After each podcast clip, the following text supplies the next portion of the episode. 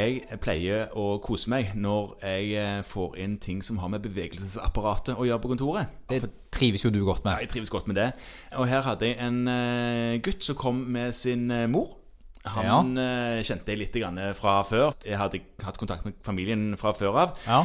Han var 13. Ja. Eh, litt sånn eh, røslig, røslig bygd. Solid eh, bygning. Ja, solid bygning. Han spilte innebandy, så han var en sånn eh, vrien kar å skubbe på i Forsvaret der han sto. Veldig bra det på innebandy ofte. Absolutt.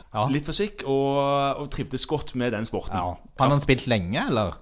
Ja, ja, han Ja. hadde spilt egentlig eh, av og på helt siden han begynte med idrett, i, Ja. sånn i syvårsalderen. Ja, ja. Mm. Eh, men det som var problemet nå, var at han hadde fått så vondt i kne.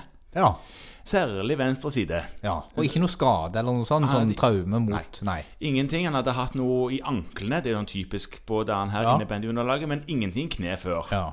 For da, da tenker man jo ofte sånn vridningstraume og de der klassiske halvskadene. Ja, og, Og, og ikke bare det, men innebandy er jo en sånn idrett hvor man faktisk kan skade bakre korsbånd fordi Ja. man velter over vantet. Ja. Eh, og, og får leggen innover i forhold til kne. Men det var det jo ingenting sånt. Nei. Nei, Ikke som han kunne huske, og ikke som eh, foreldrene hadde blitt fortalt av trener eller noen ting. Nei. Siden han var så ung, så var det liksom ikke bare å hive på han noe insights og håpe på at det gikk over, sånn som man noen ganger gjør for voksne. Det gjør man jo av og til. Ja, Det hender seg. Eh, Men så jeg undersøkte han, og han hadde liksom eh, Det var ikke så veldig mye å finne, men han, var, han var litt sånn småøm rundt patella og litt nedover mot tuberositas Ja. tibia. Så jeg tenkte jo at det kunne være et eller annet sånn slattersaktig. ja. Men jeg fikk det liksom ikke helt til å stemme. Nei. Hva gjorde du da? Jeg, jeg, for det første så ga jeg en sånn uh, Orudis så han kunne klasje Smøre på der, på, ja. sånn at han klarte å spille. Ja. For det er klart, Lagkompisene hans ville jo ha han på laget. Altså, du må huske masse, masse ganger kraft. han var viktig på laget. Ja, så Han var en god venn av Newton Ja. eh, og skubba rundt med folk. Ja. Så det, Han ville spille, og folk ville ha han med, så han behandla jeg lokalt. Det funka sånn cirka. En liten stund. Ja. Men så, så ble, det liksom, ble det for ille. Ja. Klarte ikke å gjennomføre treningene. Nei. Så dette ble verre når han belasta, da? Dette ble verre når han belasta, og etter trening. Ja. Og noen ganger såpass at han syntes det var ubehagelig å sove. Å ja, såpass, ja. Det begynte å bli såpass. Ja. Så når det ble såpass, så tenkte jeg at ja, nei, rett og slett, jeg sendte han i MR-maskin. Det er jo klart, Der ender man av og til opp, særlig med disse her som har en idrettskarriere. Ja, nå vet, det var litt tidlig å si at han fikk en karriere, men ja, det er riktig det. Ja. men man har kanskje litt lavere terskel hvis man eh, blir satt til veggs på de som lever av kroppen sin. Ja. Så, så siden han var en potensiell sånn en, Ja. så gjorde jeg det. Og da fikk jeg svar tilbake igjen fra radiologen om at dette var funn forenlige med en klassisk Sinding Larsen. Han, ja. Han, ja. Ja, for han kjenner du godt. Han kjenner vi jo godt. Eh, og jeg husker da jeg hørte om dette første gang, i og med min idrettsinteresse, så vet jeg jo litt grann om dette. Men eh, første gang jeg hørte om det, så måtte jeg sjekke det ut. Ja. Ja, For jeg husker, jeg kjenner en som heter Larsen, men han var ikke spesielt sindig, så det kunne ikke ha noe med han å gjøre. Nei. Det, Så jeg måtte lese. Ja. Og hva er dette igjen? jo, altså, det, det er jo en betennelse i Og det, det er jo ikke så rart at man tenker litt på slatters. Nei, er det vel for- det? Nei, fordi at dette er på en måte motsatt ende av patellarsenden.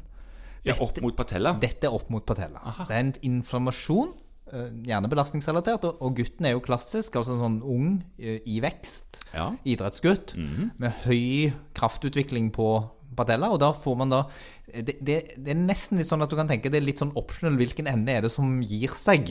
For når du får en overbelastning, så er det her da inn mot der patellasinnen fester i patella på nedsiden.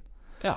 Men det er fryktelig vanskelig å få tak i ofte sånn palpasjonsmessig, for det sitter liksom litt sånn inn under, og man får liksom ikke trykk til der så godt undersøkt. Disse slatterne, de er jo noen ganger, hvis de er skikkelig vonde, så er de jo ømme rundt innfestingen på tibia. ja. Men her får man ikke alltid så godt tak. Og når du sier oppe under patella, så må man huske at patella peker nedover, så det er ved apex. Ja. Ja, Det er på en måte på den spisse delen av egget. Ja stemmer. Som Ja. er nedover. Ja. Eh, helt riktig. Ja. Ja. Sånn at der får man på en måte en sånn overbelastning, og den kommer nok som en følge av at patellascenen ikke helt har utvikla seg i tråd med resten av gutten. Ja, man setter for store krav til, eh, til den delen av kroppen. Og det som er kjipe for denne gutten, er at han kan ikke gjøre så mye annet enn å ta hensyn til det. Ja, og Er det noe en 13-årig gutt ikke er særlig god på, så er det å ta hensyn til noe som helst. Nei. Nei. Så han må avlaste. Det må han. Eh, Det går an å gi analgetika. Ja, det hadde vi jo prøvd lokalt. Ja. Ja. Eh, og det vil hjelpe, men poenget er at hvis han da fortsetter å belaste enda hardere, så blir problemet egentlig bare større. Ja. Eh, det som sånne idrettsgutter, og siden det ofte er sånne idrettsfolk altså dette, jeg kan si Det også, det begynner jo gjerne litt før slattersene. Altså de er litt yngre. 10-13 år, kanskje. Ja. Mm. Eh, For gutter. Litt yngre for jenter, faktisk. Kan få det, de også. Ja. Ja. Så det man ofte, som ofte funker på de, det er å gi dem et treningsopplegg. ja, altså fysioterapi, liksom? For eksempel. Ja. Så ta kontakt med en fysioterapeut, få et spesifikt opplegg og si at du skal ikke slutte å trene, du skal trene annerledes. Ja. For mange av disse vil være motivert for å gjøre ting på en litt annen måte i den perioden. Mm, Men det er klart, hvis det er sesongavslutninga hans på en måte skulle være å vinne den lokale cupen, Ja. så er det jo mange òg i den alderen som spiser Paracet og løper. Det har jeg hørt om. Men det blir ikke bedre. Nei.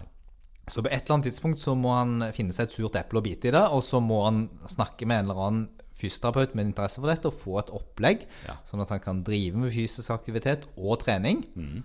samtidig som han får avlasta denne scenen. Og da, da er det viktig at han får tøyøvelser, og at han får styrkeøvelser som på en måte styrker muskulaturen rundt, uten å få denne gjentatte overbelastningen på akkurat dette punktet. Ja, og er det en ting som disse her gutta i denne alderen responderer bra på, så er det hvis du kan dra noen historier om idrettsfolk. Fordi at det, dette er noe som en idrettsmann må lære seg. Ja. For dette er en del av gamet. Ja. Det å trene alternativt i perioder hvor en har en eller annen skavank eller skade. All sånn trening, og dette vet jo du mye om, men all sånn behandling av skader som dette, de kommer jo disse skadene fordi man ligger helt på grensen av det kroppen faktisk tåler. Og da må man av og til trekke seg litt tilbake, gjøre ting litt annerledes, for faktisk å kunne fortsette å trene så hardt som man må, for å ha så god progresjon. Ja. Og er det en ting som i alle fall er karriereavsluttende, så er det å trene for hardt for mye uten å lytte til kroppen. Ja, Ja. og det som er bra med denne, og det kan du si til han, er at hvis han på en måte tilpasser aktiviteten, får litt alternativ behandling, så vil dette gå over. Og han vil kunne fortsette med denne lysende innebandykarrieren sin. Det er en veldig god beskjed å gi.